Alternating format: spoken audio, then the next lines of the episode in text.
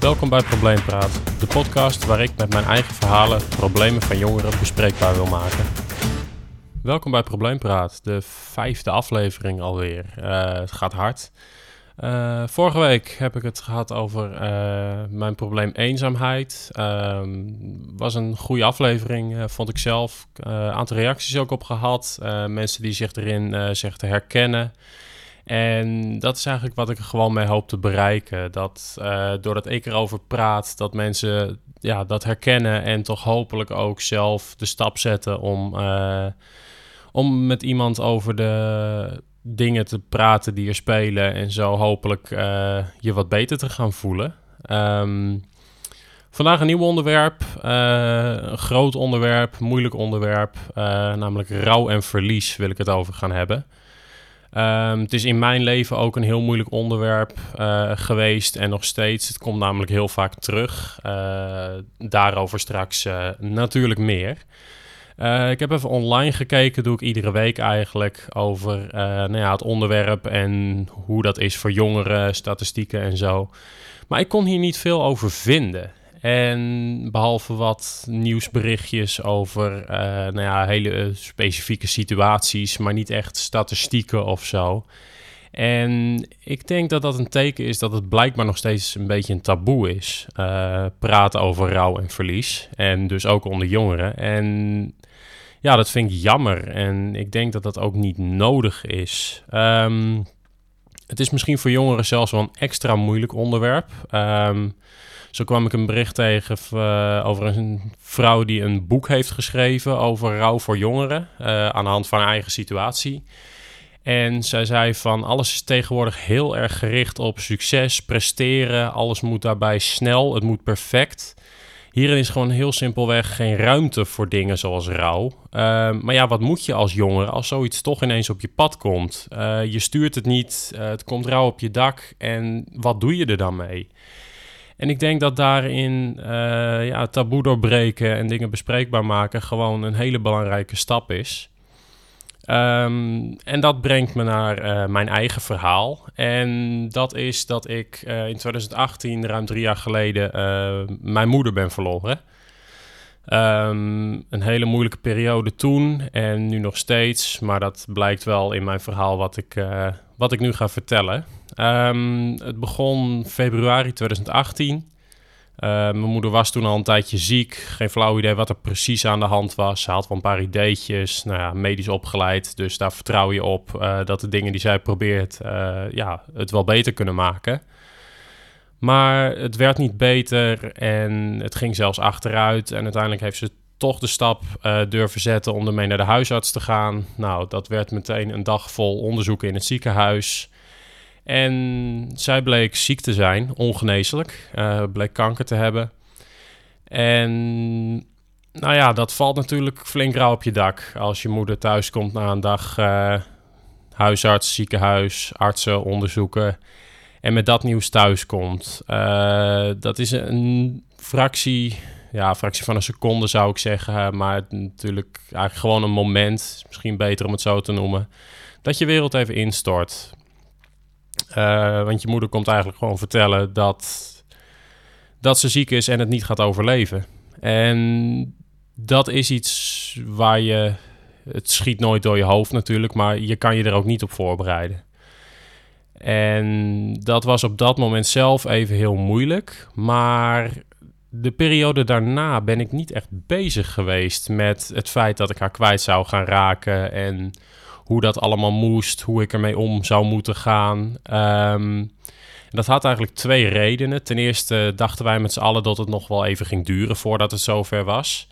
Uh, de arts had niet echt een idee uh, op dat moment hoe lang het zou gaan duren. Uh, hangt er natuurlijk, hing dat er vanaf. Um, hoe, de ziekte zich zou ontwikkelen in haar lichaam. En ook uh, de behandeling, die ging ze wel doen. Dat was alleen maar om uit te stellen.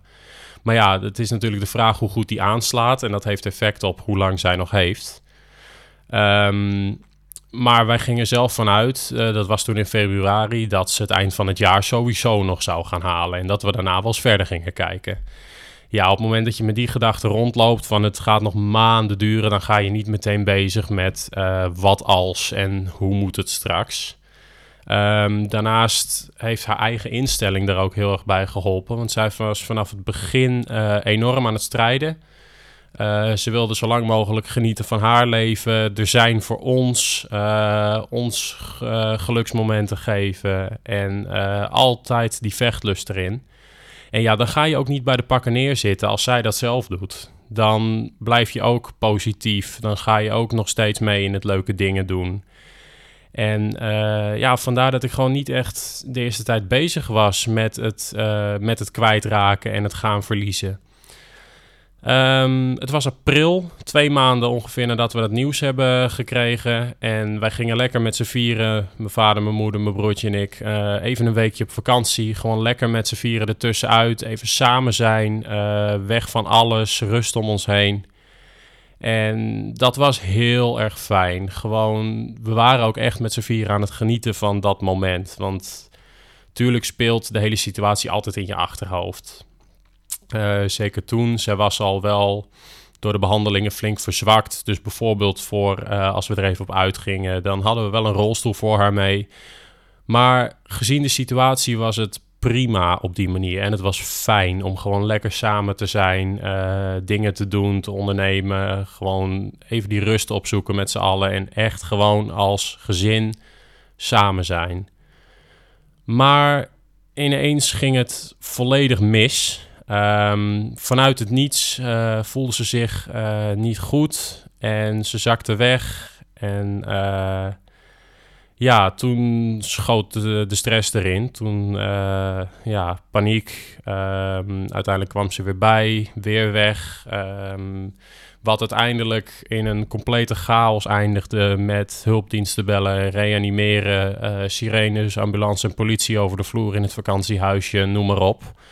Um, ik kan dat hele stuk, kan ik nog steeds als ik erover denk, uh, me van moment tot moment voor de geest halen. Dat staat echt op mijn netvlies gebrand. En toen kwam dat ene moment dat een vrouw van het ambulancepersoneel naar ons toe kwam en uh, gewoon heel eerlijk was. En dat bewonder ik enorm dat zij dat in zo'n situatie gewoon kan. En ons eigenlijk gewoon vertelde van ja, het, we zijn nu zo lang bezig met reanimeren, het heeft geen zin meer. En ja, toen was het dus ineens vanuit het niets, na twee maanden nadat we dat uh, slechte nieuws te horen hadden gekregen, was het gewoon voorbij. Toen had ik ineens van het een op het andere moment geen moeder meer. En ja, dat moment, alles om me heen leek stil te staan en we stonden daar met z'n drieën. Uh, niemand wist ja, wat we moesten doen. En dat moment, dat zal ik nooit meer gaan vergeten. Dat is um, ja, nog steeds op zich wel moeilijk om mee om te gaan af en toe, merk ik.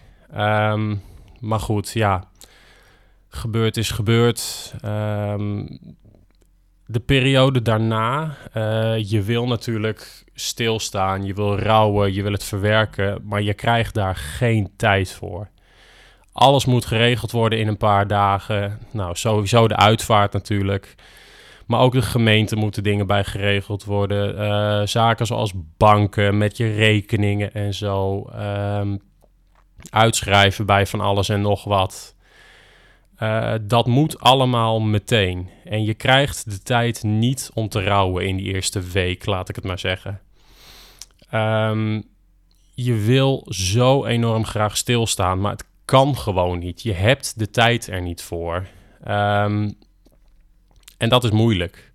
Want je realiseert je wat je wil, wat je nodig hebt. Maar ja, het kan gewoon niet. Er is geen. Je krijgt die tijd niet. Um, en dat wetgeving, regeltjes, wat erachter zit. En dat snap ik allemaal heel goed. Maar het is, het is niet wat je wil uh, op dat moment. Maar ja, dat, dat zal je uit moeten stellen. En dat hebben wij dus uiteraard ook gedaan. Um, dan het volgende punt waar ik het over wil hebben is eigenlijk mijn manier hoe ik er nou uiteindelijk mee om ben gegaan met het verlies van mijn moeder. Um, ik had geen idee hoe ik dat moest doen. Uh, ja, je denkt er op dat soort momenten over na, maar ik heb uiteindelijk gewoon steeds maar gedaan wat op dat moment voor mij het beste voelde. Dat was voor mij het belangrijkste, daar ging het mij om en dat is gewoon wat ik gedaan heb. Um, zij lag de tijd tussen uh, dat zij overleden was en de uitvaart, lag zij in het uitvaartcentrum in een kamer daar. En ik ben daar gewoon vanuit mijn gevoel, omdat dat voor mij het voelde als het juiste ding, ben ik daar iedere dag gewoon minimaal twee keer geweest. Uh, overdag een keer, s'avonds oh, sowieso iedere avond. En ik ben niet zo iemand die dan daar tegen haar gaat zitten praten of zo, maar ik heb daar gewoon gezeten. En het voelde voor mij een beetje als dat laatste moment om nog met haar te kunnen zijn. Ook al was ze er natuurlijk niet meer, maar ja, haar lichaam lag daar en het voelde gewoon goed om op die momenten toch daar met haar te zijn. Um, maar ja, die momenten houden natuurlijk als de uitvaart geweest is op. En ja, dan is dat definitief afgesloten, zeg maar, op die manier. Um, praten heb ik bijna niet gedaan. Ik ben sowieso, um, volgens mij heb ik dat in een van de eerdere afleveringen ook al genoemd. Ik ben niet iemand die snel en graag praat over problemen, uh, dingen die spelen, dingen waar ik het moeilijk mee heb. Uh, de ruimte was er thuis zeker wel met mijn vader en mijn broertje, maar ja, ik heb daar in ieder geval niet echt gebruik van gemaakt, omdat ik die behoefte ook niet voelde. Ik ging liever zelf uh, voor mezelf ermee om, in mijn hoofd gewoon dingen verwerken. En ja, vandaar dat ik bijna niet meer gepraat heb erover. Um, meeste mensen die uh, nemen vaak tijd na zoiets om het te verwerken en om weer langzaam op gang te komen. Um, ook weer puur mijn gevoel op dat moment. Ik heb na die vakantie meteen alles weer opgepakt. Ik ben meteen de eerste dag weer naar school gegaan. Ik heb geen dag vrijgenomen van werk. En ja, dat voelde gewoon goed voor mij. En ja, dan, dan moet je dat gewoon doen, vind ik. Als dat voor jouw gevoel het beste is, dan moet je daarvoor gaan. Bij school zat er ook nog uh, de factor bij dat ik uh, in het eerste jaar zat van mijn communicatieopleiding, waar ik eindelijk lekker op mijn plek zat. En mijn moeder die was er ook heel blij mee dat ik gewoon eindelijk een goed plekje had gevonden. Dus het was ook. Um, het gaf mij ook weer motivatie om te zorgen dat ik hoe dan ook in mijn eerste jaar mijn propenduizen zou halen, ook voor haar. Uh, dat is uiteindelijk gelukt, dus ik ben zeker blij dat ik die keuze ook heb gemaakt. Heb ik in alles nu de beste keuze gemaakt? Dat vraag ik mezelf nog steeds heel vaak af. En ja, het eerlijke antwoord is gewoon dat ik geen idee heb. Uh, daar kan ik hele lange verhalen over houden, maar ik weet gewoon niet of dit de beste keuze is geweest. Uh, af en toe twijfel ik nog wel. Zeker aangezien dingen gewoon af en toe heel erg terugkomen hier, hiermee met het onderwerp. Um, ja, ik twijfel, ik weet alleen dus niet of dat anders was geweest als ik bijvoorbeeld twee weken helemaal vrij had genomen om rustig mijn gang te gaan en mijn weg erin te vinden. Ja, ik vind dat lastig om te zeggen. Dus op dat moment voelde het voor mij als de beste keuze. Achteraf ook, ik weet het niet. Uh, wat mij nu uh, heel erg helpt ook, Um, is dat wij een jaar na de uitvaart hebben wij haar as uitgestrooid uh, op een speciaal plekje op Texel. Was haar favoriete eiland. Uh, ze kwam daar minimaal drie keer per jaar. En ze had ook één favoriet plekje op dat eiland. En daar zijn wij uiteindelijk met z'n drieën heen geweest om haar as uit te strooien. En ik kom vaak, uh, nou ja, regelmatig, een keer of twee per jaar sowieso, ook op Texel.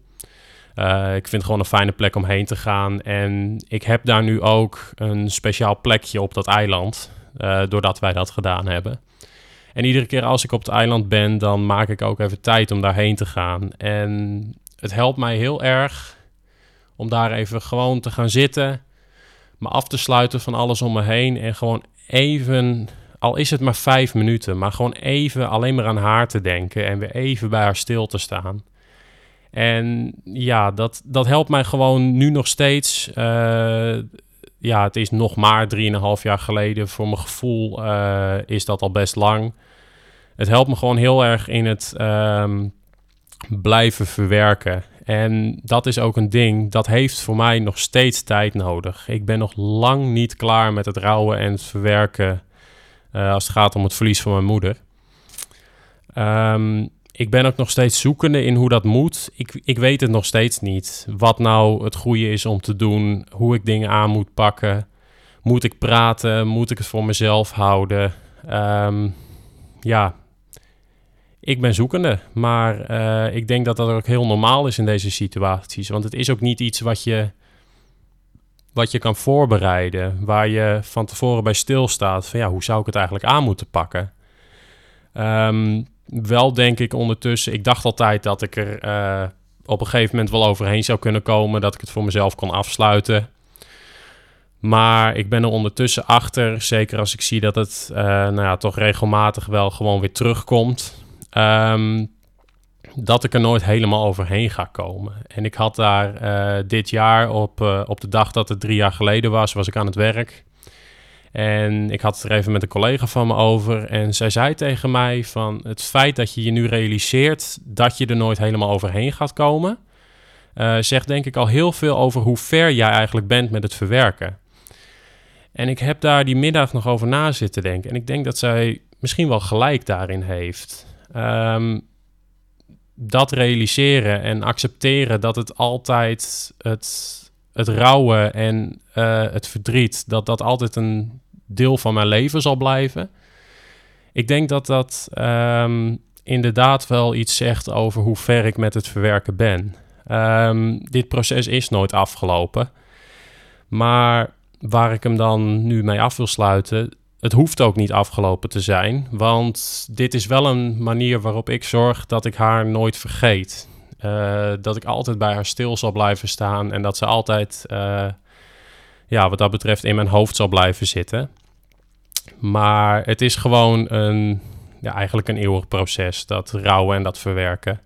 En dat mag, dat is prima. Dat is. Uh, niet ieder probleem kan altijd opgelost worden en dit is daar één van. Maar openheid erover en bespreekbaar maken is ook een belangrijke factor daarin. Uh, nu op het einde wil ik in ieder geval nog even een shout-out geven. En dat is naar uh, Rauwrumoer. Uh, te vinden op Instagram is een platform dat een klasgenoot van mij heeft opgestart rondom het verlies van haar moeder. En zij heeft daar heel veel gepraat over nou ja, de manier waarop zij ermee omgaat. En ook is ze daar gewoon in gesprek gegaan met, met lotgenoten. Um, ik kan alleen maar aanraden om het zeker even te checken. Rauwrumoer heet het. Um, en dan wil ik jullie nu bedanken voor het luisteren. Ik hoop dat jullie uh, ja, toch een boeiend verhaal vonden en dat je misschien, um, ja, dat ik in ieder geval iemand hier weer mee kan helpen. Want dat is uiteindelijk gewoon mijn doel. En dan ben ik al uh, eigenlijk al heel blij. Uh, op mijn website staat ook nog weer een blog die jullie kunnen lezen. En voor nu dan tot de volgende keer, tot volgende week. Lees ook de blog op probleempraat.wordpress.com en volg Probleempraat op Instagram via @probleempraat.